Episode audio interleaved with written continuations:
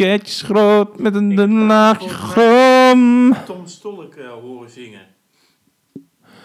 Wat zongt er om met je stolk? You know you can't hurry. Regret. I've had a few.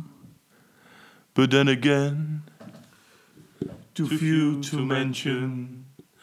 I did what I had to do. And so I through. Without exemption, consumption, Consumption. En we zijn begonnen. Ik heb dit allemaal opgenomen. Laten we, als jij nu op de goede plek gaat zitten, dan kunnen we beginnen. Het was, ja. En dan kunnen we wel zien wat. Ik heb al dit gezang opgenomen.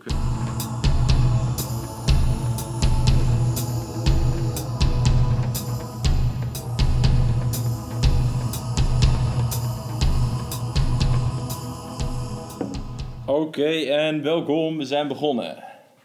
Welkom bij de podcast van eh, januari, februari 2018.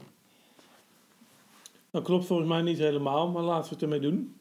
Laten we beginnen. Ja, Laten we gewoon to the point komen. We moeten eerst de wijn doen. Dat, dat wordt altijd. ja dat, dat, is, een wel eh, Van. Het, is ook, het grappige is aan die letter, aan dit lettertype dat het zo ver uit elkaar staat. Zie je dat het niet echt goede wijn is.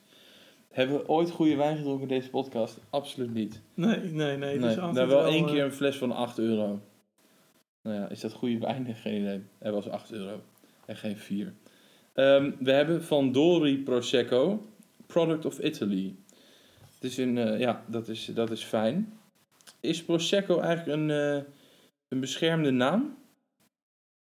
Weet je dat? Ja, ik kan me het me eigenlijk niet voorstellen.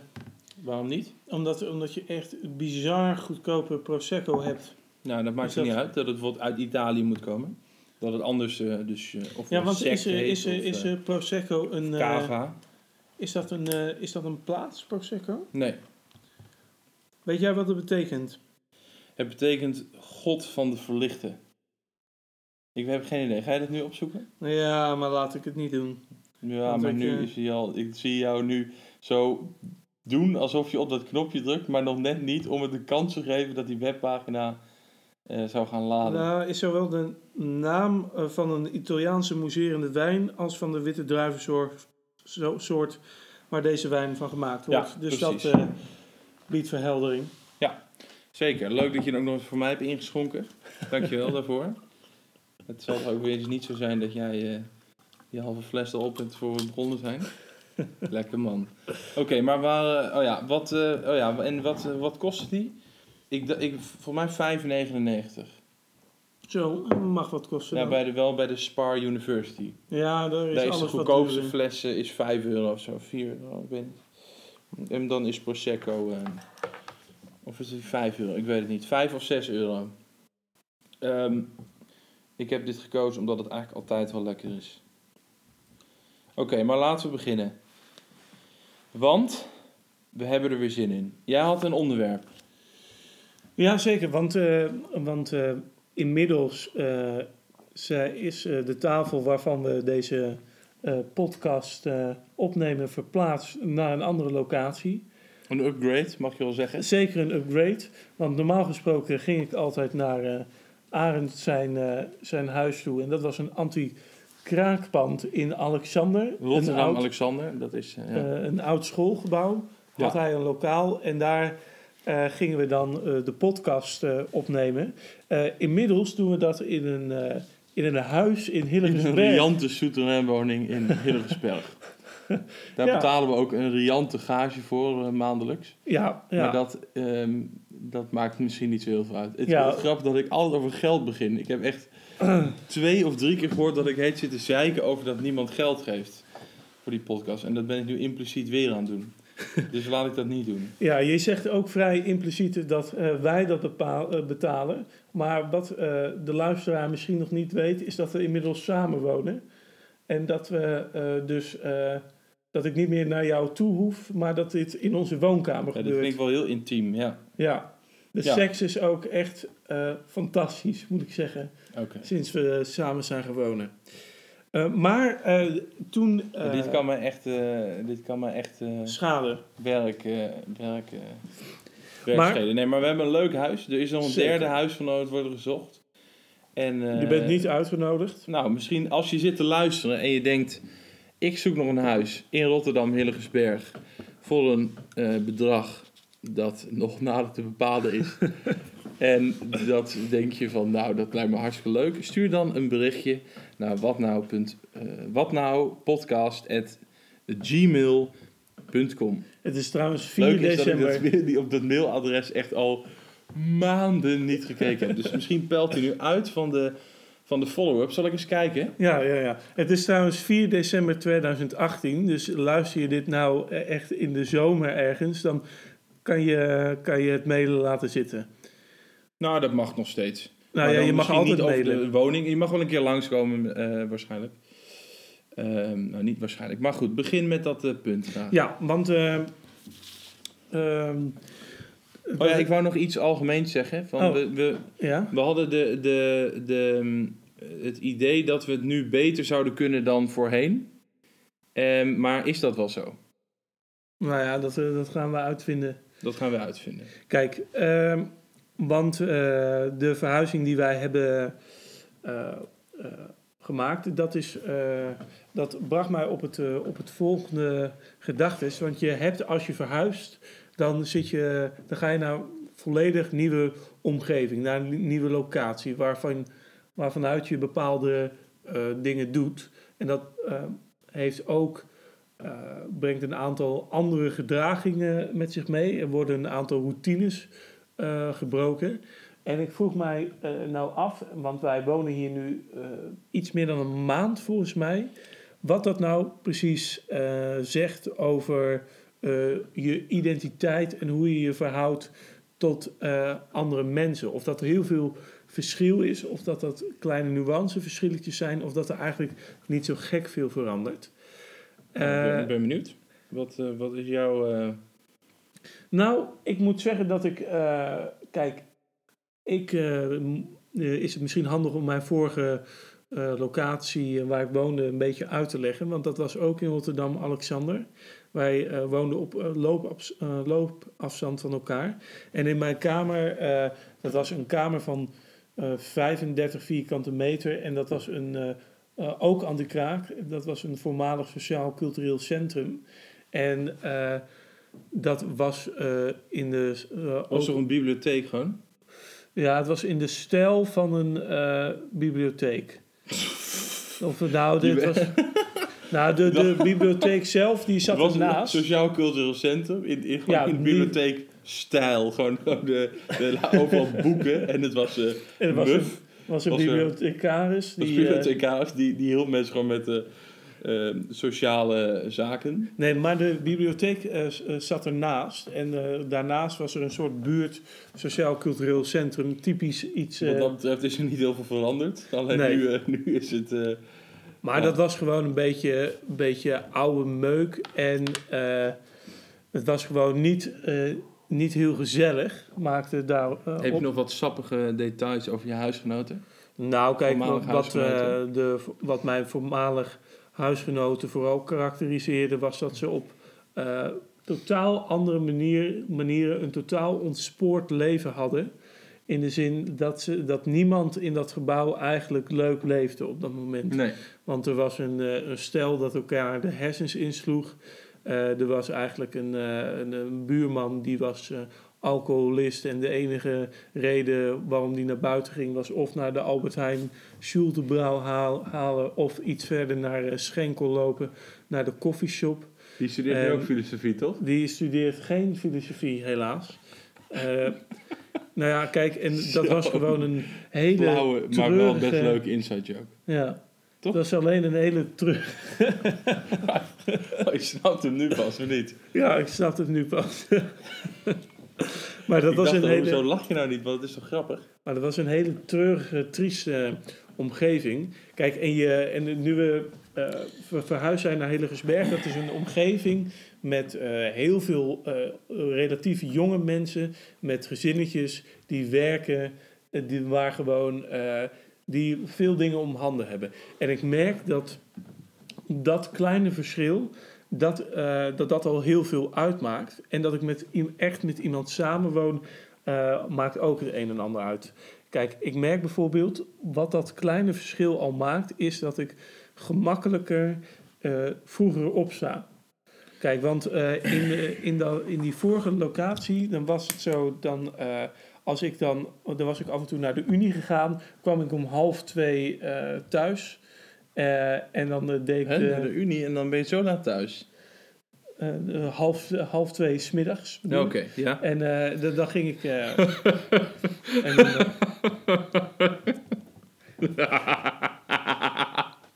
en dan, en dan liep ik, liep ik die, dat pand in. Ja. En dan kwam er een buurman net zijn kamer uit, al gapend. En die zei dan tegen mij: eh, Ja, morgen jongen. Alsof, kijk, want hij, eh, want in, mijn, in dat Hoe pand. heet die je- huisgenoot? Armando. Oké. En in die, maar in dat, in dat huis kon je zeg maar beter om half twee s'nachts keihard je mu- muziek eh, aan hebben staan en boren dan tien uur 's ochtends. Want dan was er eigenlijk nog niemand wakker. Ja. Maar dat is dus een kleine, ehm, nou dat is niet een kleine verandering, maar door die verandering in de omgeving, eh, dat er hier dus eh, mensen naar hun werk gaan 's ochtends en dat, dat jij ook eh, eerder opstaat, dat maakt dat het voor mij veel minder natuurlijk aanvoelt om langer te blijven liggen. Dus sta ik ook eerder op. Kijk, en Ja. dat zijn. En dat is al vanaf wanneer ga je dat doen? maar dat is al een klein verschilletje. Maar Ja. doordat je eerder opstaat, verandert ontzettend veel. Eh, kan het ontzettend veel invloed hebben op de rest van de dag. Ja. Want je bent Ja. veel minder geneigd om dan, eh, om dan veel later op te blijven. Dus dat zijn allemaal eh, dingen die er op een gegeven moment toe leiden dat je eigenlijk op een hele andere manier leeft. Ik weet Ja. niet hoe, hoe jij dat hebt ervaren de laatste tijd. Ehm, nou ja, dat is, eh, dat is een gegeven natuurlijk. Dat je, en het is vaak ook niet van tevoren te voorzien. Dat, dat is ook altijd. Van je, je, je begint iets, je doet, ga dan eh, gewoon verhuizen, nu is in dit geval. En eh, waardoor je dus een andere huissituatie hebt. Want nu ja, heb je een huisgenoot en zometeen nog een huisgenoot. Om de, om de kosten te verlichten. En eh, je woont natuurlijk in een andere buurt, je hebt andere spullen, je hebt gewoon een totaal andere ambiance. Hier hebben we als wel eerder aan geraakt in, eh, in een eerdere podcast. Maar dat, ehm, eh, dat heeft veel grotere invloed dan je, dan je zelf denkt. Het, het, het, het, het, het, je, je bent zo'n plek waar je echt vele uren per dag bent. En die, eh, waar je begeeft met, eh, eh, waar je mensen uitnodigt, waar, waar bepaalde spullen staan, waar je, die je ook moet onderhouden, die je moet schoonmaken. Dit, het, het, het, het, heeft een veel grotere invloed dan je, dan je van tevoren denkt. Ja, en ik denk ook dat het, wat het interessant maakt, is dat je, kijk, wat ik af en toe denk, is eh, als ik dan terugdenk aan, eh, eh, aan in die tijd in, in Alexander, dan denk ik van, goh, ik, ik ben eigenlijk ben ik iemand die heel lang in zijn bed blijft liggen. Maar nu ineens ben ik Ja, of, of niet dat ik. eigenlijk ben ik zo. Eigenlijk ben ik iemand die lang in zijn bed blijft liggen. Maar toevallig, omdat ik nu Ja. in deze situatie zit, doe ik dat niet meer. Maar kijk, dat is natuurlijk onzin. Want, die, eh, want kennelijk is die, heeft die omgeving zoveel invloed op je. Ja. Dat dat eh, je ook je. eh, ja, een soort van en eigenschappen verandert. verandert. En bepaalt ook. Ja, bepaalt ook zeker. Dus dat je Bepaalt niet meer wel. kan. dat je dus niet kan spreken van ik ben eigenlijk eh, eh, dit en dit. En door deze situatie ben ik me anders gaan eh, gedragen. Maar eigenlijk, eigenlijk ben ik iemand die heel veel moeite heeft met opstaan en heel lang in zijn bed blijft liggen. Maar dat zijn natuurlijk twee. Ja, Totaal je vereenzelvigt je verschillende- met die, met die situatie op dat moment. Daar hang je identiteit aan op. Ehm, hetzelfde geldt natuurlijk voor bijvoorbeeld welke vrienden je omgaat. Dat je, je vereenzelvigt je dan in die vriendschap met de, de, de dingen die je gemeenschappelijk hebt, eh, de dingen eh, eh, die je samen doet. En daar, daar zeg je van, nou, dat ben ik. ik. Ik ben dit. Ik vind dit leuk en dat is zo. Ja, ja en ik denk, ik denk dat je op die manier ook ehm, dat bijvoorbeeld de vraag waar wij zijn veel meer invloed heeft op wie, wij, wie wij zijn dan andersom. Eh, en dat, hoe zou wie wij zijn invloed kunnen hebben op waar wij zijn? Nou ja, kijk, als je uitgaat van, eh, van een eh, Oh. vast omlijnde identiteit, Ja. met, een, met een echt een, een, harde kern, dan zou je zeggen van je gaat je omgeving op een gegeven moment vormen naar, Naar jouw wensen ja. en, en behoeftes. En eh, natuurlijk zullen er wel eh, verschillen zijn in die Ja, omgeving. Maar over het algemeen ben jij degene die eh, die, die controle heeft. Maar ik merk met heel veel woonsituaties waar ik, waar ik in heb gezeten. Of Ja. nou, eigenlijk zijn het er maar drie, namelijk bij mijn ouders, op mezelf en Ja. nu met jou in dit huis. Dat, dat ik me toch op hele andere manier gedraag. Dat ik heel andere valkuilen heb. Of dat ik heel andere eh, dingen heb waar ik, eh, waar ik me mee bezig hou. Maar dat dat echt dus eh, ligt aan die, aan die omgeving. En dat ik zelf minder in die omgeving push dan ik, dan ik van tevoren zou verwachten. Die omgeving heeft toch veel meer invloed dan ik van tevoren zou denken. Ja, die, die, die omgeving creëert ook bijvoorbeeld behoeften. Eh, iets waar we toch altijd, eh, wij zeggen, wij vormen onze omgeving naar onze behoeften. Namelijk, ik heb bijvoorbeeld, ik ben Arend en ik ben los van al mijn sociale en maatschappelijke context, kan ik zeggen, dit ben ik en mijn behoefte is een bad. Eh, en dat is een, een, een, een best wel een dominante kijk op mensen. Namelijk, ja. je hebt gewoon een, een normale, je hebt een soort neutraal ik die onafhankelijk is van tijd, ruimte en eh, je, je plaats binnen het sociale en maatschappelijke gebeuren. Maar eh, het feit dat als ik bijvoorbeeld nu een miljoen zou winnen bij de eh, staatsloterij, dan betekent dat, dat zou natuurlijk enorm mijn behoeftes veranderen. Dan zou ik bijvoorbeeld behoefte hebben aan een koophuis Ja. behoefte die ik nu niet heb. En dan zou ik behoefte hebben aan, aan luxe producten. Dan, dat zou ook behoeften creëren Mhm. eh, Ja. die er nu niet zijn. Ehm, en dat laat ook zien dat bijvoorbeeld... De, ja, we denken natuurlijk van arme mensen, dat, ze, dat is van... Ja, die, waarom zijn arme mensen arm? Eh, ze zijn eh, arm omdat ze domme dingen doen. Dus Mhm. je hebt gewoon mensen en de ene is wat slimmer dan de ander en de ander is wat dommer dan de ander. En ja, als je wat slimmer bent, dan word je rijker, want dan kun je gewoon beter, eh, ja, weet ik veel, prioriteiten stellen en, en, en, eh, en nou goed, je financiën op orde houden. En als je wat dommer bent, dan word je armer, want dan maak je de verkeerde keuzes. Maar uit onderzoek blijkt eigenlijk dat het tegendeel waar is. Dat je dus,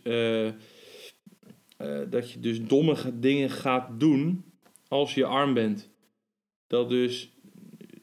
En wij, wij koppelen daar. Kijk, iets als intelligentie is een enorm groot gedeelte van iemands identiteit. En dat vinden mensen zelf ook vaak van zichzelf. Die zeggen: Mhm. Ik ben bijvoorbeeld slim. En die hechten heel veel waarde aan dat, aan dat, dat, dat punt. Maar iets als, eh, als, eh, als geld heeft dus al enorm veel invloed op de conceptie daarvan. Het, is- het speelt ook veel met het zelfbeeld van mensen. Namelijk, ja. Eh, uit alles blijkt zo ongeveer hoe onze maatschappij is ingericht. Dat als je arm bent, dat je dan gewoon domme keuzes maakt. Ja, ja en de- ik, ik denk wat daar dus ook aan ten grondslag ligt, is een mensbeeld die, eh, die het eh, wie centraal staat in de zin van. van ehm, Is het het dat mens is- wil dat of die? Volgens mij dat.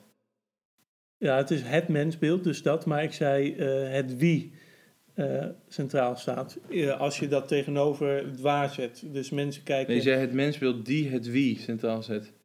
Oh, dan, dan is het zeker het mensbeeld eh, dat het wie centraal stelt. Kom je wel plaats- bij de wie? Ik heb daar wel een aantal shirtjes gekocht, ja. Het pak toch? Ook een pak, ja. Ja, de Wii is zeg maar echt net de geüpgrade versie van de, van de CNA en de, en de V&D. Van zeg maar, daar ga je naartoe als je Hij is, hij is niet net... failliet. Hè? Hij is niet failliet. De CNA is failliet. Gelukkig hebben we de V&D nog. Maar, Ja. ehm, wat wil ik nou zeggen? Het Derde Rijk is gevallen. Gelukkig is Amerika er nog. Ja, ik denk dat we ons allemaal gelukkig kunnen prijzen met Amerika. Dat denk ik ook. En ik denk ook dat- good. Leader of the free world. Ja, ja dat, eh, dat sowieso. Leader of the pack. Ja. Ja, maar goed, dat is Ja. dus... eh, kijk, als we hem dan... eh, als we dan die cirkel terugmaken naar verhuizen... is dat het met zoiets super kleins... dat het een bepaalde richting op kan gaan. Dus dat je... Ja, dat wij ja. bijvoorbeeld nu verhuizen, dat, kan, eh, dat zou prima kunnen be- betekenen dat ik ergens eh, wel eh, voor ga of ergens niet voor ga, of ne- de- veel kleiner. Dat je dus vaker gaat wandelen of vaker of, of wat vaker thuis bent of thuis zit. En dat zijn allemaal kleine dingetjes die je een bepaalde kant op duwen. En, Het leuk is dat mensen een heel, heel een soort beeld hebben dat wij echt iedere avond spaghetti koken. En dan, en dan, eh, eh, en, eh, dan gaan wandelen. Eh, ik, ik vind eigenlijk dat we meer moeten wandelen. Meer moeten bewegen. Nou, niet meer moeten bewegen, meer wandelen. Dat je, dat je, je hebt Ja, toch je vaak... toch? Nou ja, zo simpel eh, ligt het met... Maar bedoel je in het algemeen? Nou ja, kijk, zoiets als... Kijk, als studenten, volgens mij... eh, eh, doen die redelijk weinig ontspannende dingen. Zoals wandelen zou je, zou, zou je zoiets eh, kunnen noemen. Ik ken heel weinig studenten die, eh, die ik ken die zeggen van... ik heb wel eens... eh, oh, ik heb net even gewandeld. Of, eh, Hm. Terwijl dat, eh, terwijl dat heel rustgevend kan zijn. Want voor, voor een student, die heeft meestal eh, vrij hectisch leven. Niet, niet al te gestructureerd.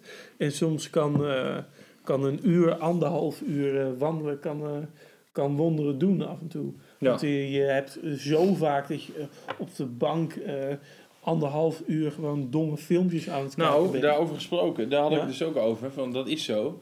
En dat je dus eh, vaak als je verveelt of als je even, weet ik veel, even niks doet, dan ga je, dan open je de YouTube app en dan ga je daar lukraak filmpjes kijken van dingen die je eigenlijk echt niet boeien. En het erge is nog dat, het- dat je, ik heb zo vaak eh, dezelfde filmpjes gekeken en eigenlijk kon ik niet uitleggen waarom. Ik heb bijvoorbeeld dat filmpje, en mijn broer trouwens ook, daar had ik altijd over, die heeft dat filmpje van eh, Rutger Kastrikum in Oude Pekela. Die heb ik ik wel een keer of zeven gezien. Maar ik, ik weet niet waarom, maar toch is het zo. En toen dacht ik van, eigenlijk stelt het altijd teleur. Eigenlijk voel je altijd gewoon, gewoon echt beflikkerd als je, daar, eh, als je die app afsluit. Maar dat heb ik bijvoorbeeld nooit met een documentaire, bijvoorbeeld. Dus ik heb me voorgenomen om bijvoorbeeld vaker de NPO-app te openen en gewoon een documentaire te gaan kijken. Want het, het, het, wat zo is met YouTube-filmpjes, eigenlijk precies het tegenovergestelde. Daarvan zie je een titel waarbij je in alle lamlendigheid denkt van... eh, en, en dan klik je dat filmpje en dat is echt een deceptie, want het is in geen... Dat is een, een, een, een, een schraal eh, abstract van, van, van, van, de, van de titel van het filmpje. Dat is echt een, een, een surrogaat ervan. En met een documentaire heb je een titel die waar je meestal denk je van, nou, kijk, ik weet wel wat ik, eh, eh, ik weet niet veel, maar ik weet wel dat dit me absoluut niet aanspreekt. En eigenlijk altijd kom je bedrogen uit. Ja, Want Nou, dan, ik keek bijvoorbeeld, ik zag op de NPO-app de, de documentaire De Kinderen van Juf Kiet of iets in die richting. eh, En dat, dat- is het exact. Ja. Dat klinkt dus echt verschrikkelijk, maar dat schijnt dus een hele goede documentaire te zijn. Ja. Maar om die reden klik je het gewoon niet snel aan. Ja, ik, ik denk dat het eh, vooral ook een eh, ding is van eh, korte termijn slash lange termijn. eh, Nou ja, ik vind ook op de korte termijn een, een documentaire bevredigender.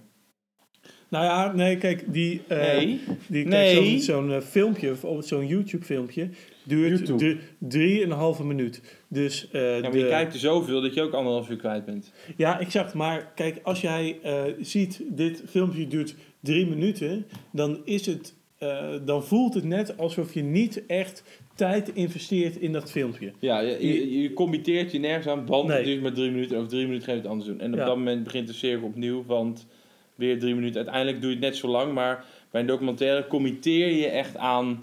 Oké, anderhalf uur hoge cultuur, Maar het, maar het is denk ik net zoiets als lage met, eh, met eh, slecht of, of goed eten. Kijk, met, maar als je met bijvoorbeeld eh, vet eten hebt, gewoon, gewoon niet zo goed eten, dan denk je van, van eh, als je dat net begint te eten, denk je, ah lekker, gewoon smerig vet eten.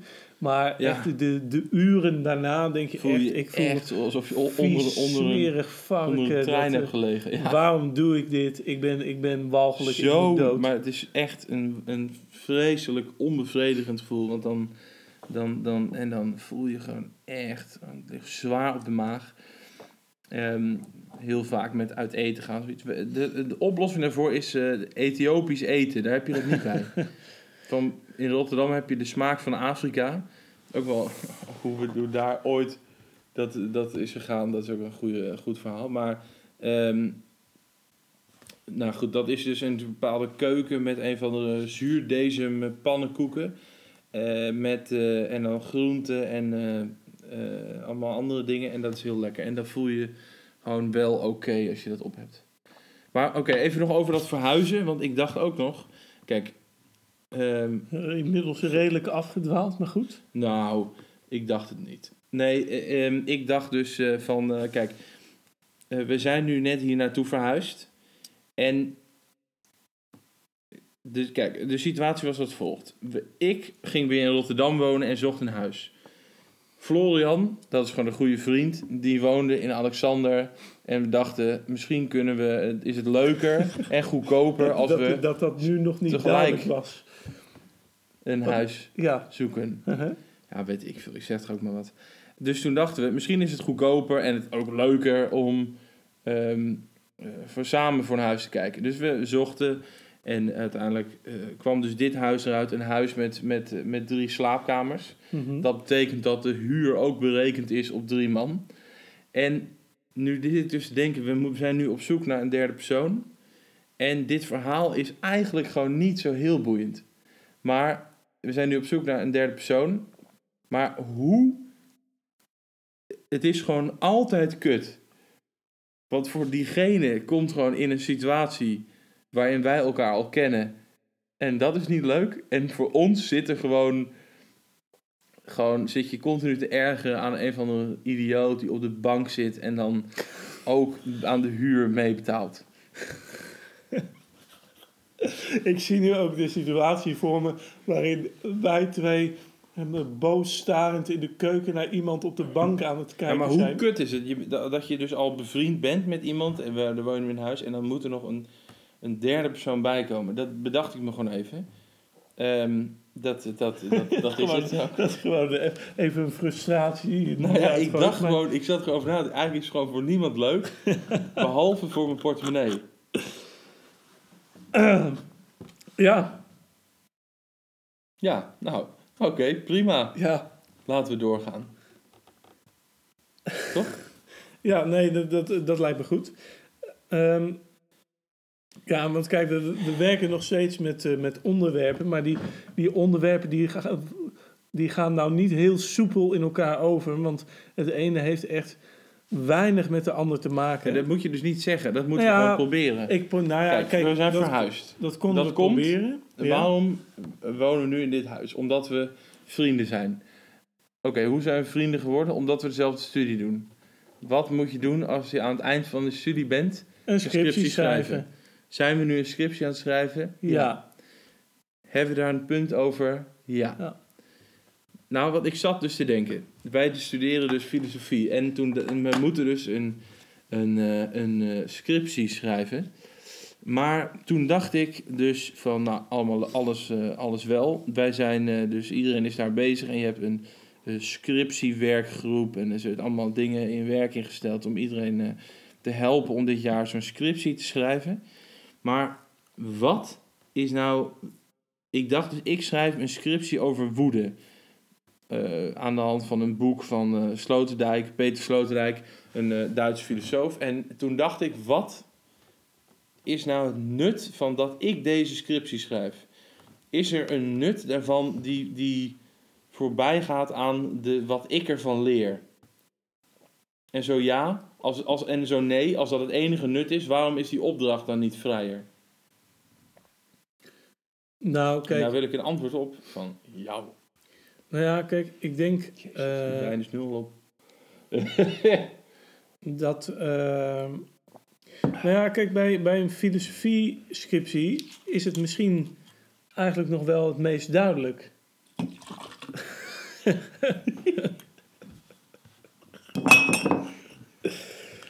ja, of het nou niet het meest duidelijk, maar kijk, als je het over. over ehm, kijk, als de zoveelste ec- economie-student een, eh, een bepaald onderzoek doet Ja. naar een, een bepaalde markt. Nou, nee, dan ga ik meteen weer economie bestje. Laten we een stap terugnemen. Waarom, Zo, zo, Eh. zomer nog niet. waarom, waarom is, het, ehm, ehm, is het nuttig?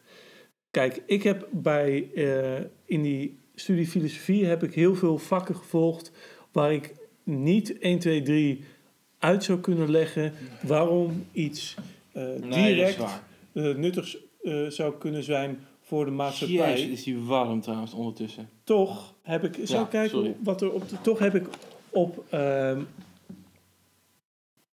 toch heb ik. ehm, eh, draagt dat bij aan een soort framework dat je opbouwt waarvan, waarvanuit je bepaalde dingen kan beschouwen.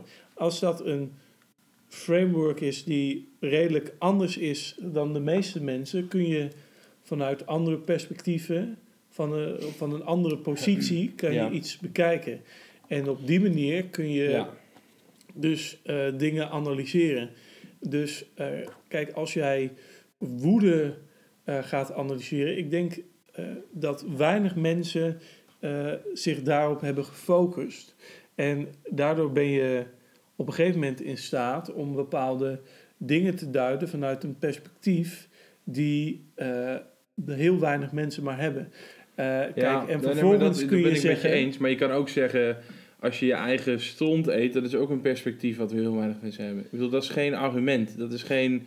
Kijk, ik ben, niet, ik ben er wel van overtuigd dat wat ik doe wel interessant is. Maar ik was vooral benieuwd, van wat, wat, waarom doet dit ertoe voor iets? Nou, vervolgens kijk. Ik ben er eh, toch kijk, een half jaar mee je- bezig, of drie kwart jaar. Inderdaad, maar eh, het gaat vervolgens om de, inderdaad, om de verta- vertaalslag. En heb je de. Nee, maar Middelen. daar gaat het er niet om. Gaat er niet om een vertaalslag? Dat Tuurlijk die hoef je toch om- helemaal niet te maken? Nou ja, kijk, je moet uiteindelijk. Kijk, als jij, eh, als jij zou zeggen van. Die scriptie over stront eten. Die gaat alleen maar over stront eten. En, en, en eh, daar ga ik het bij laten. En ik, dan weet ik gewoon hoe mensen dat- hun eigen bedoelde stront eten. Nee, dat bedoel ik niet. Maar, maar wat bedoel Maar je dan? Jij zei van, op een gegeven moment, je, kijk, niet veel mensen houden zich met woede bezig. Dus je hebt dan een uniek eh, perspectief op iets. Maar uniek is in zichzelf geen waardeoordeel. Je kan ook van iemand zeggen, dus bijvoorbeeld die, eh, die dus zijn eigen poep eet, kun je ook zeggen dat is uniek. Maar dat, Ja, is, inderdaad. geen, dat is geen, dat is niet eh, per definitie goed of iets in die richting. Nee, nee, kijk, eh, eh, het gaat er inderdaad niet om, om dat je, kijk, want dat, daarom is dat voorbeeld van mensen die hun eigen stront eten een goed voorbeeld van, kijk, dat, daar, dat dient geen doel, daar, daar, daar kan niemand wat mee. Eigenlijk zegt, betekent dat ook als iemand zegt iets over je zegt en dan zegt het is uniek of het is bijzonder. Dat betekent dat diegene het zo absurd vindt dat hij niet opzichtig een directe compliment kan geven. Maar eigenlijk zegt van ja, ik vind het eigenlijk ofwel echt vreselijk, ofwel Ja, debiel, apart ofwel zeggen mensen dan volgens mij. apart. Ja, Ja. Of bijzonder. Of, ja, dan, dan, dan weet je vaak van, eh, wat vind je van mijn kledingstijl? Ja, eh, bijzonder. En dan is Apart. het zo van, eh, ja, oké, daarmee zeg je eigenlijk van, ik vind het zo debiel en ik begrijp er niks van. Ik zou het, als mijn kind dit aan zou hebben, dan zou ik hem echt eh, van de testamenten schrappen. Maar het is wel, het is, dan, dan, dan maak je, wat vind je ervan? Ergens ervan vinden, dat, daar, daar zit een oordeel in. Van wat Mhm. vind je het mooi, vind je het lelijk, vind je dat het me goed staat, vind je het, is het je ook jouw stijl, weet ik veel. Maar nee, dan zeg je het enige, als het echt het minste wat je kan zeggen, is dat het iets is wat niet standaard is. Dat is echt heel sumier. Dat is eigenlijk echt een belediging. Ja, inderdaad. van- Kijk, dat is, Van, eh, ja, dat zou... het is bijzonder. Als dat het enige, als je het alleen maar kan reduceren tot iets wat het niet is, namelijk de norm, dan is het echt een belediging. Ja. ja, dat zou op zichzelf inderdaad eh, eh, niet vrij niet zeggend zijn. Alleen het gaat er vervolgens zegt heel natuurlijk veel. om. Maar het, eh, het gaat, kijk, het gaat vooral om wat kun je een bepaalde Wat nou? vertaalslag maken. Kun je het op een bepaalde manier inzetten om een analyse van iets anders te maken. Kijk, als je alleen maar iets over woede kan zeggen, dan is het een vrij eh, eh, nauwe. eh, Ja, maar dat is toch een nauw van die thema. scriptie? Wat jij zegt, dat hoeft toch helemaal niet? nou ja, kijk, ik, ik denk dat, dat, dat het, het doel van die scriptie inderdaad ook niet is. Ik denk alleen dat het een gevolg is van als je ergens heel diep op focust en je zoomt vervolgens weer uit, Ja. zie je dingen die je eerder niet hebt gezien. Nee. Ik denk dat dat, dat hetgene is wat, een, eh, wat Mhm. specialisatie ook eh, ehm, eh, met zich meebrengt. Dus dat is Ja. niet alleen dat je heel veel eh, eh, verstand hebt van één piepklein onderdeeltje, maar dat Nee. is ook als je verder uitzoomt, dat je een ander perspectief meeneemt. Maar vervolgens eh, is dus dat uitzoomen belangrijk. Kijk, blijf je ingezoomd op dat kleine stukje, dan, eh, dan kun je inderdaad de, eh, de vraag stellen van hoe nuttig is het nou? Want dan, dan krijg je misschien eh, eh, wat in filosofie dan, eh, dan wel af en toe gebeurt, dat je dan eh, over bepaalde passage, passages van een eh, filosoof ga je dan eh, in een conferentie met andere mensen die eh, Ja. heel erg veel op dat gebied eh, of, of van die filosoof af weten. Dan ga je met elkaar Ja, daar voor samen. andere bakkers brood... Nee, wat is het nou? De bakkers die voor andere bakkers brood bakken. Ja, Zo zegt eh, een docent van ons het altijd. En ik denk dat Frans dat een heel... Frans. Schaefer. Frans Schaefer, een hele, God heeft zijn ziel. een hele wijsman. Ja, God hebben zijn ziel. Maar die, ja, dat vind ik een hele treffende eh, vergelijking, omdat dat inderdaad eh, een soort eh cirkeljurk is waarin, een- waarin bijna niemand gebaat is behalve de schrijver en zijn ego zelf. Nou ja, ik vind ook niet dat een, een, een wetenschappelijke discipline helemaal is te reduceren tot maatschappelijk nut direct. Want dan, dan zou je misschien als filosofie voor heel veel mensen al meteen het, het onderspit delven. Overigens niet terecht hoor, ook met, ook met dat criterium niet. Maar het is natuurlijk, eh, het is denk ik een slechte zaak. Je begint dan zo van, nou goed, oké, dit is, we leven allemaal in de wereld. En op een gegeven moment beginnen mensen eens na te denken over bijvoorbeeld geldstromen. Of er komt geld. En nou, hoe gaan we dat doen? Hoe gaan we daarmee om? Weet ik veel. En zo is de economie geboren. Dus hoe. eh,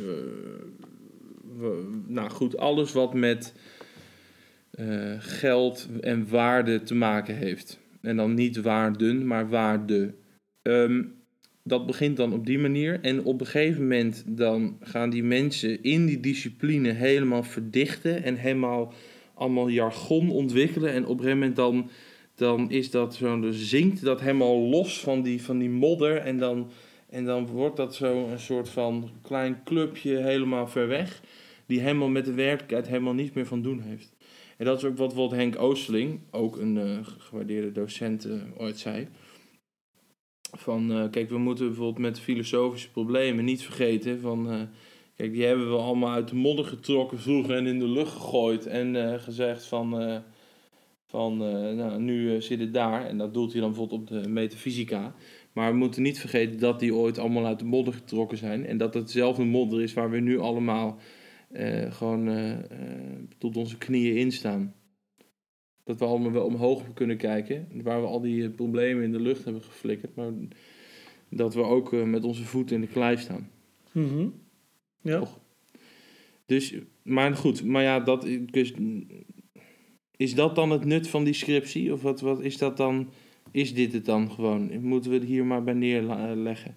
Nou ja, kijk, ik denk dat je vooral geen, geen illusie moet maken dat een, eh een eh, bachelorscriptie meteen van, eh, van me- meteen heel duidelijk is wat het, welk nut daarmee gediend is. Kijk, wat je wel kan zeggen is dat je, want wat nut is in, in, hoe wij het hebben besproken heel erg naar buiten gericht.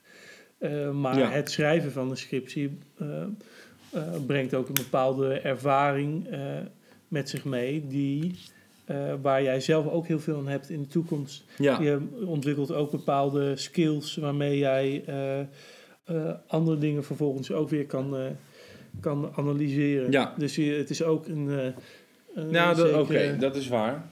Ja, Want jij werpt jezelf ook vervolgens weer in de wereld naar het schrijven van die scriptie, of je bent er al, maar je hebt toch een, een, een wat beter beeld van wat er, eh, Hm. eh, wat er misschien speelt of wat er gebeurt op bepaalde gebieden.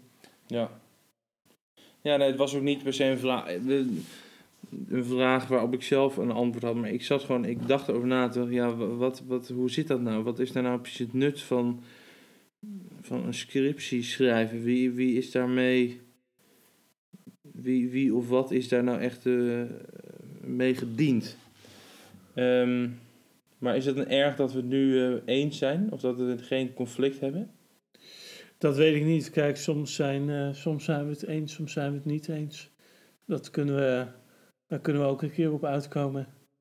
IS. Sorry. Ik wou nog even tussendoor iets zeggen over een, iets wat ik laatst gezien heb. Want ik heb dus eh, die documentaire gezien van eh Sylvana Simons. Ja, Die heb je ook gezien? Ja. Oké. Want ehm, wat mij nu opviel, en ik heb ook een interview met haar geluisterd van de Correspondent podcast. En daarin wordt zij geïnterviewd door Lex Bolmeijer. En ehm, wat mij zo opviel is het volgende. In het eh, eh, debat rondom Zwarte Piet en eh, aanverwante zaken en eigenlijk het racisme-debat in het algemeen, wordt er door de goede gemeente, gewoon de overgrote meerderheid en ook mensen in onze omgeving, wordt zo gezegd van ja, kijk, ehm, al die pro-Zwarte Piet, Pegida mensen, dat zijn allemaal vreselijke enge mensen. Maar Sylvana Simons, ja, dat is ook het andere uiterste. Dat moeten we ook niet willen, want dat is ook. eh, en nooit echt daar een vast omlijnde eh, reden voor eigenlijk. Maar nu viel me dus op na dat interview en die documentaire dat ik er eigenlijk wel mee vond vallen. Ik vond helemaal niet dat zij nou heel opzienbarende dingen zei eigenlijk. Ik vond helemaal niet dat zij nou heel onredelijk was of heel heftig was met sommige dingen. Ehm, nee, nee, dat vond ik ook niet. Kijk, eh, je ziet ook eh, ehm, dat wat ik wel merkte in die documentaire is dat ehm, ook binnen die partij dat eh, veel meer dan eh, bij andere groepen eh, dat- dat wel echt alles om, eh, om haar draaide. Ja, en niet, ja. niet, op, niet uitgesproken iedere keer op een negatieve manier. Maar ik merkte wel dat hij... kijk, je kan zeggen Maar- van maar nee, het, is, het, is een, eh, het is een documentaire over haar. Natuurlijk Ja. is, de, eh, is het eh, op Maar haar uit wat gefocust. bleek dat dan? Wat jij nou, bedoelt? ik, ik bedoelde met bepaalde, met bepaalde groepen, ook bij haar eigen partij, merk ik dat zij toch. het, het, het zou niet zo zijn dat daar een avond is geweest waarin er een, een, een vrij heftige discussie losbarst, waar zij even eh, op de achtergrond is. Volgens mij is het wel iemand die altijd heel Ja. aanwezig is in een, eh, in een ruimte. En dat zij nooit, Ja, eh, dat zij nooit haar mond zou houden. nee. En ik denk, het is ook geen. kijk, want je hebt veel anti-Zwarte Pieten activisten. Ik denk dat het ook niet voor niets is dat zij eh, het gezicht daarvan is geworden. Omdat ik denk dat zij zich op een bepaalde manier en op een bepaalde intensiteit uitspreekt, waardoor zij de aandacht trekt. Ja. En eh, ik denk dat mensen dat heel vaak verwarren met dat zij een heel extreem standpunt inneemt. eh, Ja. En een heel extreem Ja. gedachtegoed he- heeft. Ja, ja. Want ik denk dat zij, dat dat inderdaad wel echt meevalt. Ja, want ik heb nou niet in die documentaire hele schokkende dingen gehoord. Zij vindt Zwarte Piet gewoon een racistische karikatuur. Wie niet? ont- ontstaan uit een eh, koloniaal verleden en dat wij daar een blinde vlek voor hebben. ja. Kijk, zij zegt niet dat. eh, je hebt ook mensen die, die voor veel hardere maatregelen zijn, of, of echt veel meer in bepaalde complotten denken of zo. Ja. Er zijn echt wel mensen denkbaar die een veel heftiger beeld hebben van eh, wat er allemaal speelt dan Sylvana Simons. Maar ik Ja. denk omdat zij zo prominent aanwezig is, is alles wat kut is, wat uit die hoek komt, Ja, dat komt automatisch ook eh, van eh Sylvana Simons terecht. Ja, en wat ik wel vond, wat Of, uit die documentaire bleek, dat zij heeft wel, dat bleek ook uit die documentaire over gesprek met haar coaches, zij heeft gewoon haar emoties echt slecht onder controle. Waardoor zij dus soms in een debat, bijvoorbeeld met die ene vent, eh, nou dit gaat zo, eh, de, heel veel mensen weten natuurlijk nu niet waar het over gaat, maar ze was in een, eh, in een soort van, na een uitzending of een lezing of iets dergelijks, stond ze een beetje met wat, wat toehoorders na te praten en zo'n man die plaatste wat wat kritische kanttekeningen. En daar, ach, en daar werd ze zo fel op in één keer. Eh, dat je ook wel eens denkt van, kijk, je kan... Kijk, als je gelijk hebt... Dat, kijk, als je... eh, nou goed, en dat, dat gaf ze zelf ook toe. Dat ze dan gewoon haar emoties dan... eh, ja, gewoon... Dat ze heel fel snel wordt. Maar Ja, dat, dat, goed, dat gezegd hebbende... Het viel me gewoon op. Ik dacht, en het is een aanrader, die documentaire. Vond ik zelf Ja. vind ik ook. interessant. Maar, en ik denk dat, dat we nu heel makkelijk een eh, bruggetje kunnen slaan over een ander, eh, om, met een ander onderwerp dat op, de, eh, op onze agenda Ja. staat, namelijk Ja. Jordan Peterson. En ik denk dat vrijwel iedereen hem wel kent, maar dat is in principe een Canadese psycholoog. Nou, niet in principe, dat is... Nou, dat, dat is een Canadese psycholoog die zich heel veel mengt in deba- debatten rond eh, identiteitspolitiek. ja, en, en- ook heel populair door zijn, eh, voornamelijk zijn colleges op YouTube. Ja, en wat ik. eh, Maar wat goed, ik we gaan het niet inhoudelijk over hem hebben, toch? Nou ja, Of ik, deels ik- wel. Ja, deels wel, denk ik. Want ik dacht. Want wij zijn jonge, witte mannen. Dus wij vinden alles wat hij zegt interessant. Ja.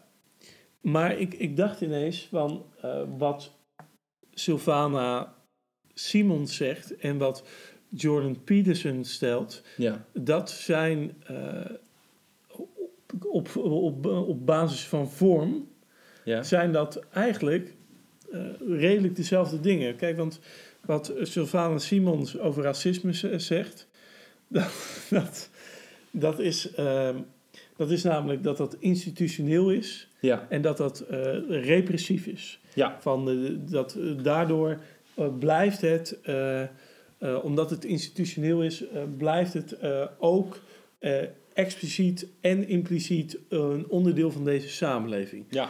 Eh, wat Ja. Jordan. Peterson op zijn beurt zegt, want hij ehm, heeft een hele discussie gehad in Canada. Ging, ging er een, eh, eh, ging er een- door het, eh, door het parle- parlement ging vervolgens ging een wet er doorheen die mensen verplichtte transgenders bij hun gewenste voornaam te noemen. Of hoe noem je dat? Pronouns. Hoe Ja. noem je dat? Dus- ja. Dus je moest dan als een transgender zei van je mag me niet hij of zij Persoonlijk noemen. voornaamwoord. Ja. Toch? Ja. Of niet? Ja, je mag me niet hij of zij noemen, maar je, mo- je moet me Sjur noemen. Eh Hoe? Sjur bijvoorbeeld, dat is dan een combinatie van Dat hij is en toch een zij. medium? Nee, zeker niet. Dat is niet. eh, nee. Ehm, en Ja. ehm, die zegt, die heeft daarover gezegd: ik doe dat niet, want dit is onderdeel van een eh, linkse neo-marxistische politiek die mij gaat opleggen wat ik wel en niet mag zeggen. Dus dat is diezelfde repressieve, institutionele, systematische manier waarop je, Ja. eh, waarop je vrijheid wordt ingeperkt. Ja. En dat is eigenlijk pre- precies volgens hetzelfde systeem, zegt Sylvane Simons, eh, is er nog steeds racisme Ja. in de samenleving die vrijheid inperkt. En eigenlijk zegt Peterson precies hetzelfde. Er is dus een, een, een, een, een, een, een systeem dat ehm, ervoor zorgt dat er bepaalde linkse neomarxistische idealen ehm, eh, worden eh, Gepropageerd. en- waardoor ik dat moet zeggen. En ik Ja. dacht, dat is eigenlijk wel heel opvallend dat twee eh, mensen die totaal tegenovergestelde. Op papier dan. zijn, maar die, uit die, dit blijkt dat namelijk niet. die wel misschien wel erkennen dat zij in precies ehm, eh, dezelfde systeemvorm leven. Ja. En, ik daar denk- ook dus precies vergelijkbare kritiek op leveren. Ja, alleen En, kritiek precies en- vanuit het andere spectrum. Ja. Maar wel vergelijkbare gevolgen ondervinden. Ja, Namelijk eh, discriminatie als wel, eh, nou goed, vergelijkbare gevolgen, laat ik het zo zeggen. Ja, en toen dacht ik, wat zegt dat over hun eh, manier van eh, cultuur- en maatschappij, maatschappijkritiek? Ehm, weet ik niet. Wat bedoel je? Nou ja, kijk, ik denk dat. eh, ehm, kijk, je, je kan zeggen van zij hebben dus precies dezelfde manier eh, en, eh, eh, van kritiek uiten via Ja. een, een systeemkritiek. Mhm. Maar ze zeggen bijna tegenovergestelde dingen. Ja. Moeten we dan tot de, kunnen we dan niet tot de conclusie komen dat hun manier van kritiek uitoefenen, namelijk die systematische kritiek, misschien niet adequaat is? Dat er misschien iets anders aan de hand is. Maar waar- Ehm. waarom zou dat? Je kan ook juist zeggen dat eh, het feit dat twee eh, politieke opponenten als het ware op, op zelfde flaws en eh, zelfde problemen in, de, in, de, in de, het politieke bestel stuiten, namelijk die dus niet per se gaan over de inhoud, maar vooral ook de manier waarop wij omgaan met, met, met politiek en politieke problemen. Dat ze op vergelijkbare problemen stuiten. Dan kun je ook zeggen dat, dat, dat is echt des te meer een reden om je te beseffen dat er, dat er iets moet veranderen aan onze manier van politiek bedrijven. Ja, Dat kijk, zou dat, een dat is conclusie eh, kunnen zijn. Inderdaad, maar ik denk dat je, eh, dat is ook een goed punt. Maar ik denk waar het, eh, waar het denk ik vaak misgaat bij deze discussie, is dat mensen op de een of andere manier eh, marxisme en neomarxisme verwarren met eh eh, differentiegedachtegoed na de jaren 60, 70. Dus ehm, Ik denk dat nu heel veel mensen dit niet begrijpen. ja, laat ik, laat ik kijk, marxistisch... Wil je nog wat drinken ondertussen? Ja, denk het wel. Wat dan? Water of zo, denk ik. Watertje doen? Nou, wat jij wil, jongen, ik vraag het je. Ja, dat is water. Dat is water. Prima. Prima, jongen. Ja, eh, als jij dit een beetje kan expliceren, wat je net introduceerde, dan zal ik even wat water pakken. Nou ja, kijk, eh, Godverdomme. Bijna op het bek hier. Nou, da- daarmee bedoel ik dat een, eh, marxistische, neo-marxistische kijk op de maatschappij ehm, een soort maatschappij klasses, lagen veronderstelt, waarin er een eh, waarin er dus een eh, dominante elite is die eh, eh, de regels eh, bepaalt, die, eh, eh, die meer macht heeft dan, eh, dan andere mensen en dat op een top-down manier eh, die eh, macht uitoefent. Daardoor zal eh, racisme eh, bijvoorbeeld altijd op die manier ehm, eh, in de samenleving gepompt blijven worden. Eh, Ja. in, eh, in een meer differentiedenken stijl wordt eh, de nadruk veel meer gelegd op relaties. Dus eh, racisme is iets dat eh, niet zozeer tussen klasses gebeurt, maar daar, daar, eh, daar snijdt het eigenlijk eh, direct doorheen. Het gebeurt eh, tussen Nou ja, mensen. door- en Ja, niet door- omdat. kijk, en niet omdat mensen eh, dat heel graag zouden willen, Nee. maar wat bijvoorbeeld een goed voorbeeld is uit, de, eh, uit een documentaire van Sunny Bergman, Dit is ook een kleur. Ja. Daarin zie je, eh, daar wo- daarin wordt een zwarte pop eh, neergezet en een witte pop. En eh, dan wordt de vraag gesteld, wie is er stout? En eh, uit dat onderzoek bleek dat er eh, heel vaak... Of eh, dat er structureel naar die zwarte pop wordt gewezen. Ja, maar het interessante was dat witte kinderen dat deden, maar ook zwarte kinderen. Dus Ja, en, en kinderen van Turkse en Marokkaanse afkomst voornamelijk. ja, dus, dus, die, die licht getint zijn dan, meestal. dus wat dat zegt is dat, je, dat die druk niet alleen eh, tussen klassen wordt uitgevoerd, maar ook eh, eh, in een klasse. Dus dat, die, dus dat, dat nee, racisme niet klasse, dit is niet economisch klasse, etniciteit. Ja, etniciteit. Maar dat, Nou ja, dat betekent dus, dat betekent dus dat die, dat, die dat, dat uitoefenen van, van macht en invloed niet op een top-down manier gebeurt, maar dat dat Nee. tussen eh, mensen gebeurt. Tussen, Ja, dus niet vanuit een identiteit. Dus je kan Nee. ook niet zeggen, jij bent dus één racist. Dat kan maar heel zelden. Dat, dat kan bij mensen die zeggen... Nou, bijvoorbeeld in die documentaire van eh Sylvana Simons... dan roept iemand dus... ik zou nooit op deze zwarte aap stemmen... en die roept vuile neger over het Amsterdam Centraal Station. ja, Ik denk van die man is wel gewoon in zijn hoofd er volledig van overtuigd... dat zij, omdat zij donker is, absoluut minderwaardig is. Maar dat Mhm. is niet... Dat, kijk, dat is denk ik niet het grootste probleem racisme. Daar, daar vinden zelfs de, de, de, de, de, daar vindt iedereen van, zonder uitzondering, vindt dat idioot. ja, Eh, waar het om gaat is dat meer eh, het meer eh, de confrontatie met racistische structuren, met racistische karikaturen. En het feit dat die er zijn, dat is niet zo dat je kan zeggen van die mensen is de identiteit racistisch. Dat is, racisme is dus een fenomeen dat zich voordoet tussen mensen. En veel meer zegt over een relatie dan over een identiteit. Wat jij dus net zei. mhm. En dat blijkt ook wel, want. ehm, eh, ehm, wat wil ik nou zeggen? Dit is jammer. Dat. ehm, eh, ik weet even niet meer wat ik wil zeggen. Nou ja, kijk, en als we dat, Ik, zal, ik kom er zo nog op. ja, maar als we dat dus, eh, Oh ja, mag ik? Oh ja, Ja, ik. Dat dus, eh, het, je kan namelijk niet een. Kijk, het, dat, dat toont zich wel, omdat om als bijvoorbeeld een witte man racistisch zijn, of gewoon een wit persoon racistisch te zijn, is, een, is er ook een zwarte persoon nodig. mhm. Je kan niet. Eh, het is dus altijd een. Er zijn altijd dus die twee groepen nodig. Waar, waartussen racisme zich voordoet. Waarin dat systeem eh, zo functioneert. Het kan niet zo zijn dat er, als er alleen maar donkere mensen zouden zijn. dat zich daar dan ook racisme manifesteert van een witte huidskleur naar een donkere huidskleur toe.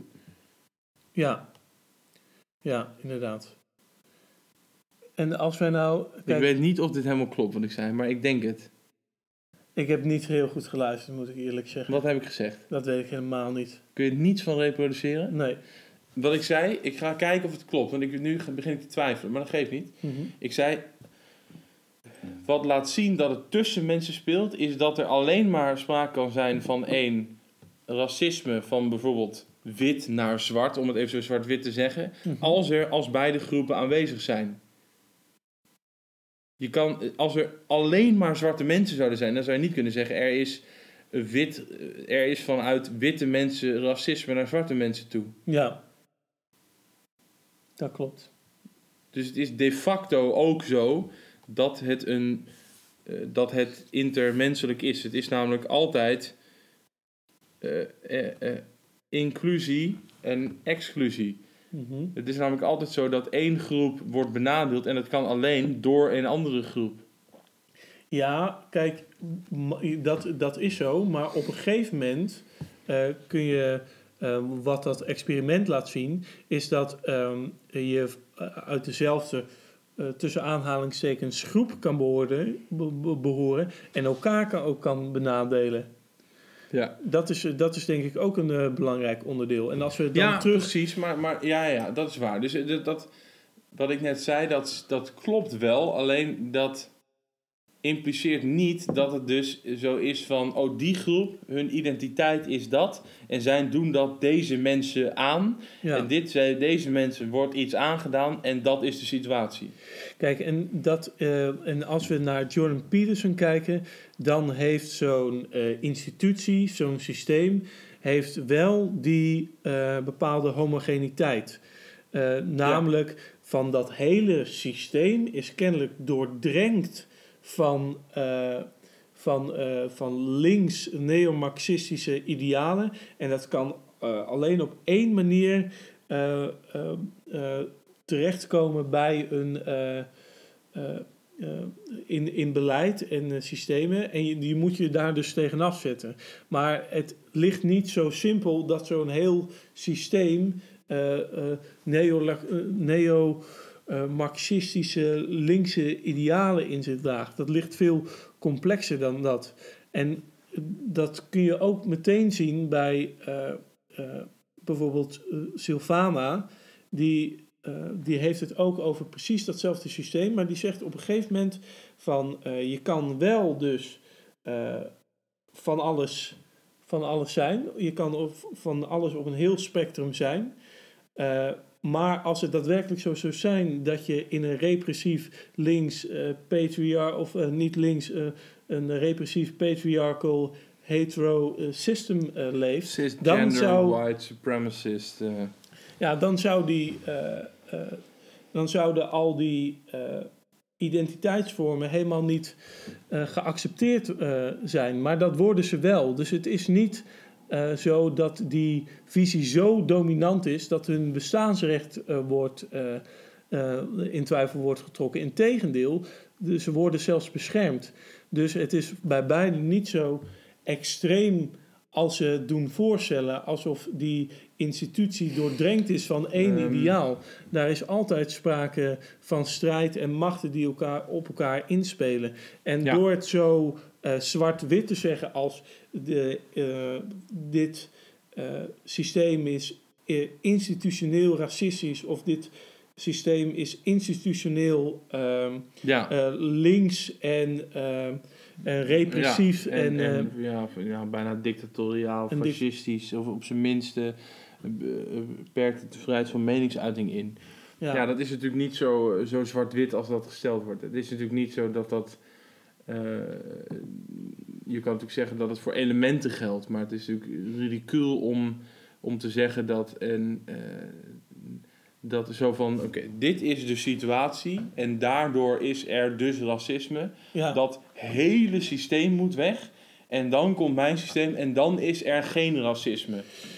Nee, precies. En wat, wat je daarmee bereikt, is dat je toch wel Leuk is- radicale ja. groeperingen krijgt. Omdat je, omdat wat je eigenlijk zegt is, dit hele systeem met, eh, met heel zijn hebben en houden, Ja. dat moet je wantrouwen. Ja. Want dit systeem, dat zal, altijd ervoor, dat zal er altijd voor zorgen dat jij slachtoffer bent. Ja. Dus je moet... En, eh, en dan wordt in één keer racisme overal zichtbaar. Of, of de, de, de, de, de, de, de regressieve, repressieve eh, mechanismen van dan een linkse politiek. ja, Op een gegeven moment ga je dat overal in zien. Precies. Dus in de gezondheidszorg, uiteindelijk dat Kuzu eh, was dan het oude, dat, dat allochtone mensen, daar wordt dan sneller de stekker uitgetrokken. Ehm, aan de andere kant vind ik ook wel, kijk, het gaat om een impliciete, bijvoorbeeld in het geval van racisme, dat gaat om iets impliciet. Dat gaat om een manier hoe wij kijken naar mensen. Mhm. Eh, dan kun je natuurlijk zeggen dat speelt dan ook voor de dokter mee. En voor de advocaat en voor de beleidsmakers. Mhm. Dus in principe kun je wel zeggen, het, het systeem is daar echt van doordrenkt. Ja, maar vervolgens moet je, eh, moet je dus eh, ruimte overlaten. En ik neem aan dat ze dat ook vinden. Dat je eh, de situatie op een manier kan verhelpen. En als je. kijk, en wat zo lastig is van wat aan de ene kant bijvoorbeeld Sylvana zegt. En aan de andere kant Peterson zegt. Is dat je eigenlijk geen eh, ontsnappingsmogelijkheid laat. Of in Mhm. ieder geval, er is geen ruimte meer voor creativiteit, voor verandering. Nee, er is alleen maar ruimte voor, Totale Voor- omverwerping. ja, voor, door, voor totale revolutie. De- het systeem in, in- als zodanig is... Het is niet op te rekken de goede kant op. Het is Nee. alleen maar volledig af te schrijven... om dan weer van meet af aan opnieuw te beginnen. En het gekke is dat het mensbeeld dat daar eh, eh, aan ten grondslag ligt, zegt, dat zegt eigenlijk over mensen. Jij wordt eh, totaal gedefinieerd door een systeem. Ja. Terwijl ehm, wat. en, en je hebt niet echt een keuze om, om iets anders te zijn. Ja. En terwijl, denk ik, beide toch eh, zullen zeggen van. eh, of, dus beide laten helemaal geen ruimte voor eh, de- het creatieve vermogen van de mens om zelf vorm te geven, om zelf Zichzelf dingen te. definiëren om lokaal verandering te stichten... Om, om, om je in bepaalde groepen anders te begeven dan... Precies. dan het systeem oplegt. Het is, het, wordt, het is een soort maakbaarheidsgedachte on steroids. Van er is Ja, helemaal geen ontsnapping mogelijk. En als we het systeem zo inrichten, dan is de, de, on, eh, de, is de, de, de, ja, de consequentie waar we met geen mogelijkheid onderuit komen, is deze. Die mensen worden dan dit en zullen dat ook niet anders kunnen worden. Je bent gewoon een, een slaaf van het politieke bestel en van de maatschappijinrichting. ja. Kijk, Nou, niet eens een slaaf, je bent het. Je bent gewoon, ja, er is niets. Je ben- als je slaaf bent, dan ben je nog iemand waar, wiens, wiens identiteit gewoon gesloopt is door zweepslagen. Waardoor je als een soort robot iemand eh, achteraan loopt. Maar het, het verschil is dat in, de, in deze situatie er überhaupt al niet iets was om, om te slopen. Je bent alleen dat. En vervolgens is het de vraag: waar ligt de basis voor revolutie? Want Ja. ja. als, je, als je dat creatieve vermogen eh, helemaal ontkent, Ja. wie gaat die revolutie dan starten? En wat is. Eh, kijk, de revolutie zelf zou het ongelijk van je theorie bewijzen. Ja, want dan, dan zou je zeggen, er is wel een oorspronkelijke gedachte die aan dit systeem ontsnapt. Een echte gedachte, die dus niet, niet helemaal gedetermineerd wordt door het systeem. Ja. Die wel verandering eh, mogelijk maakt, inderdaad. Ja, inderdaad. Dus dat is. eh, ehm, maar dat is nog helemaal doordrenkt, denk ik, van een marxistisch eh, beeld van de werkelijkheid. Ja. Terwijl je mensbeeld iets anders veronderstelt. Mhm. En ik denk dat daar de, de mismatch zit. En ik denk daar, dat daar eh, de mismatch zit in beide eh, visies. Dat, Ja. je dus, dat ze beide een, bepaalde, een bepaald systeem voor ogen hebben, dat alles Ja. definieert. Maar vervolgens geen oog meer hebben voor de eh, menselijke eigenheid en creativiteit. En ik Mhm. denk dat ze eh, beide zouden zeggen dat ze juist daar pal voor staan. Ja, en het menselijk vermogen om te breken met hun omstandigheden. Om te Ja. breken met, eh, met alle je structurende, bepalende machten. Om, om dus om, om radicaal iets anders te doen dan impliciet en expliciet van je verwacht worden. Precies, ja. En een, vo- een revolutie veronderstelt dat. Want een revolutie is de meest radicale breuk met, met je eigen status quo. Mhm. Ja. Conclusie? Ja, ik denk dat de conclusie is dat, eh, dat je eh, ziet dat die, eh, dat, dat, dat beide partijen, denk ik, dus eh, enerzijds eh, eh, eh, neomarxisme en marxisme proberen te ver- verenigen met een eh, bepaald eh, differentiedenken, eh, die eh, in mijn optiek onverenigbaar met elkaar is. En eh, dan krijg je de situatie dat bijvoorbeeld Ja. een Sylvana zegt: eh, eh, eh, elke, iedereen moet geaccepteerd worden, maar moet wel als Turk eh, geaccepteerd worden, als, eh, als, eh, als zij, als hij, maar ook met dertien andere verschillende eh, ehm, namen. Ja, we doen Maar- net als, als, als transgender zijn of, of, of die hele gender, die, die hele gendererkenning is, eigenlijk- is eigenlijk gewoon, eh, is alleen maar identiteit. Is een totaal Gaat- paradoxale. Het gaat alleen maar over identiteit. Het gaat alleen maar je, je, je identificeren met, Ja, dus, dus je Eh, zegt enerzijds van. je eh, ontkent identiteit en je zegt nou eigenlijk dat het het belangrijkste is wat er is. En je zegt eigenlijk van, er, kijk, we kunnen zeker niet objectief vaststellen dat er verschillen zijn tussen man en vrouw.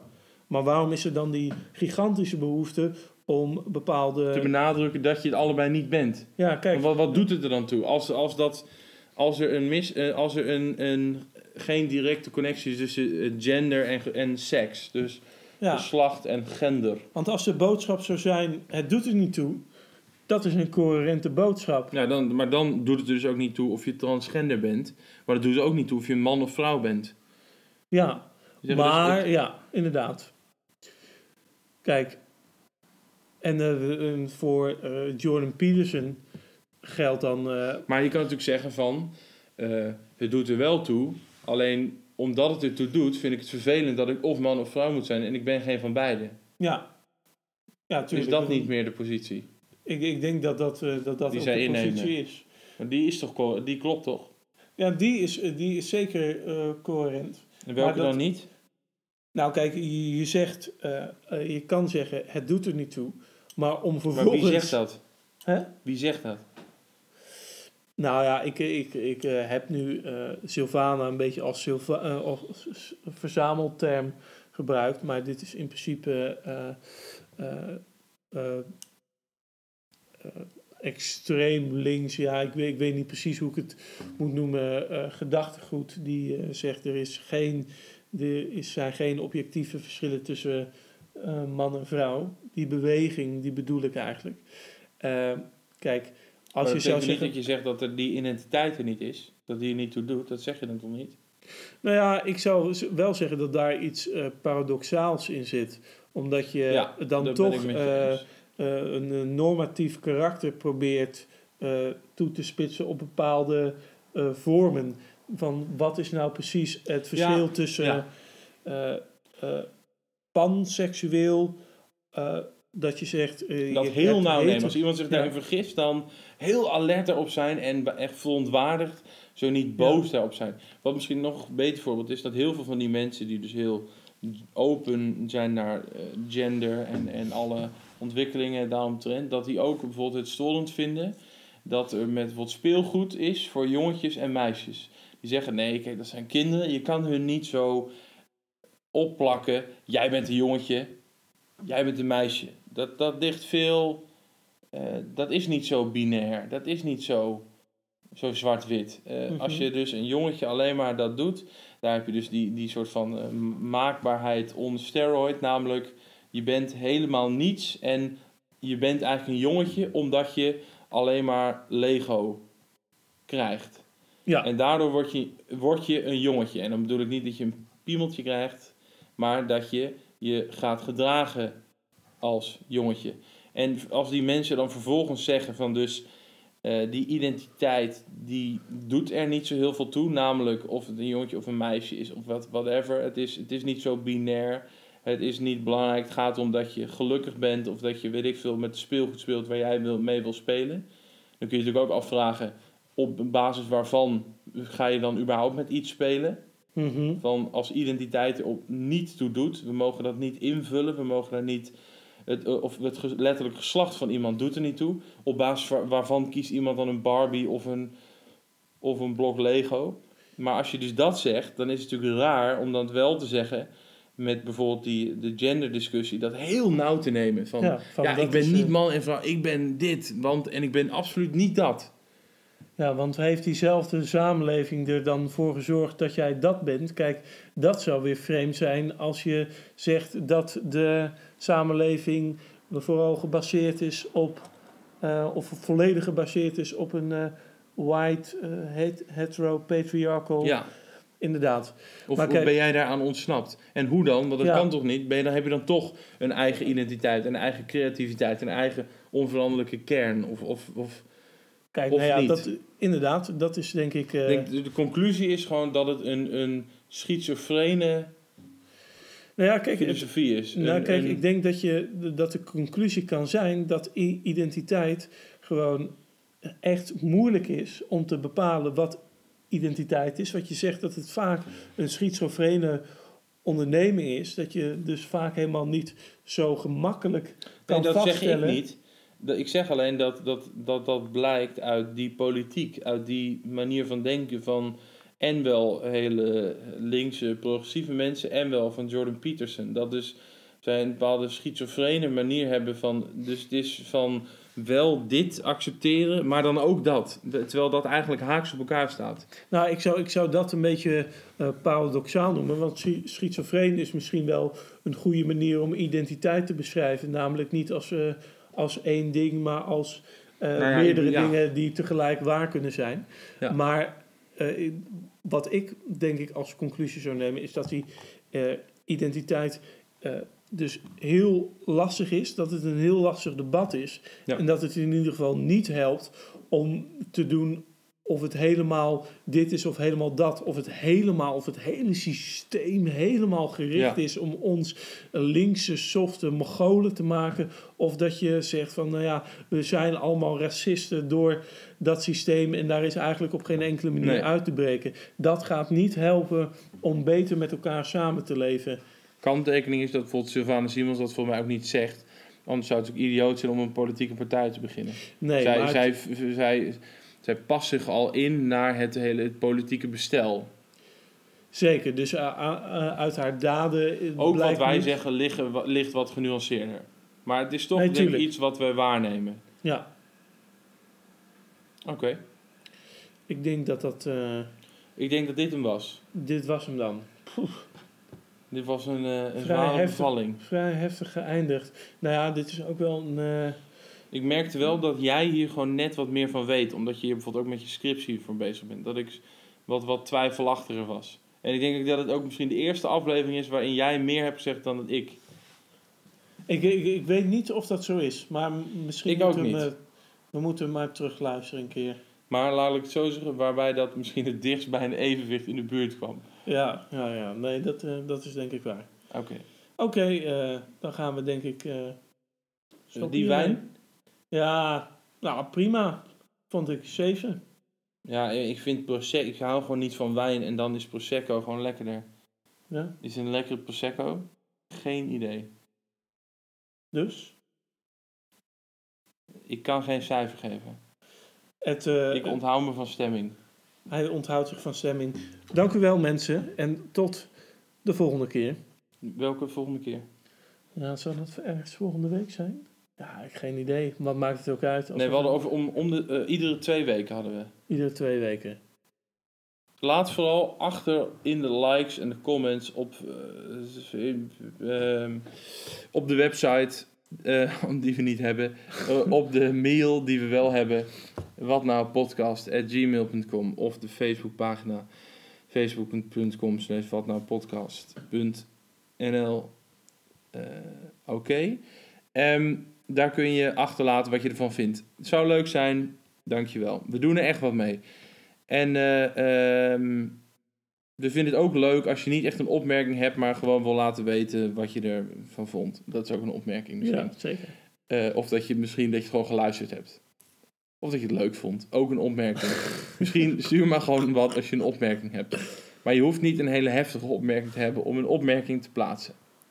Nou, als, die- als, als, er- als er nu geen mensen... Als er nu nog mensen luisteren, dan mag je echt een lintje. Ja, je bent wel echt een debiel als je het zover hebt geluisterd. Nou, dat is echt Want onzin. echt Dat- dat, elke... dat vind ik echt een beetje smerig downplayen. Zo van, oh, zal er nu nog iemand luisteren? Ja, tuurlijk hebben er heel veel mensen halverwege afgehaakt. Van de, laten we zeggen, 100 mensen luisteren dit. Dan denk ik dat er nu echt nog wel 31 luisteren. Die 31 mensen zijn die dit ooit gaan luisteren. Ik vind het ook een beetje smerig. Van, dit is Ja, voor ja, de ja. echte diehard. Dan denk ik, nee, je moet ook nou niet zo flauw gaan doen. Want dat is gewoon niet eerlijk. Ik, eh, ik, eh, ik accepteer eh, De eh, ja, ik accepteer jouw terechtwijzing van harte. Je hebt helemaal gelijk, jongen. Oké, Laten we het meer dan tot maar de eindigen. volgende keer. Hoi hoi. Yo.